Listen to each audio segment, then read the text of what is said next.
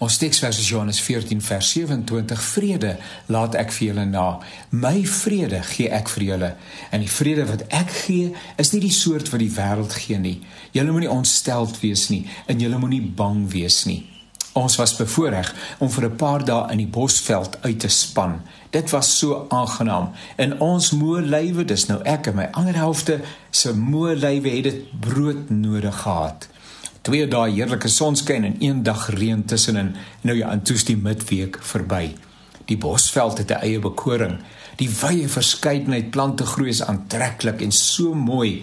Die woonede eenhede is lieflik versteek sodat daar 'n groot mate van privaatheid is. Daar's heerlike ontspanningsareas waar klein en groot baljaar, 'n winkeltjie waar net die broodnodigste verkry kan word, uitgeboude terrasse met lieflike leunstoele, sonsambrele en beddens rondom die koel swembadwater. En saans word die vure aangepak en en gepak en almal gesels hartlik saam rondom die klein brandstapeltjie. Die bekoring is aanmatigend hartlik en kom dag 3 dat jy moet vertrek, dan kom jy agter dat jy ver van gereed is om die pad huis toe aan te pak. Dis die harmonie, die rustigheid, die kalmte, die ontspanne atmosfeer wat my aanspreek. Niemand beklei nie. Niemand handel onmanierlik en nors nie. Die atmosfeer bind saam. Dis asof daar 'n moratorium is op lastighede. Dit lyk of die mense hulle sorges by die huis gelos het. Kulture kuier saam. Almal gedra hulle self. Daar's respek vir die natuur.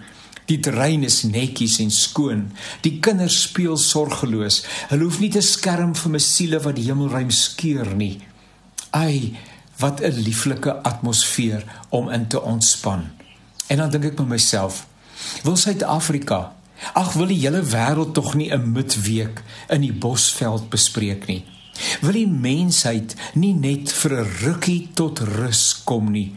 Wil die Here ons nie tog asseblief bewaar van ons self nie, want ons is moeg en ons het verkoeking so nodig.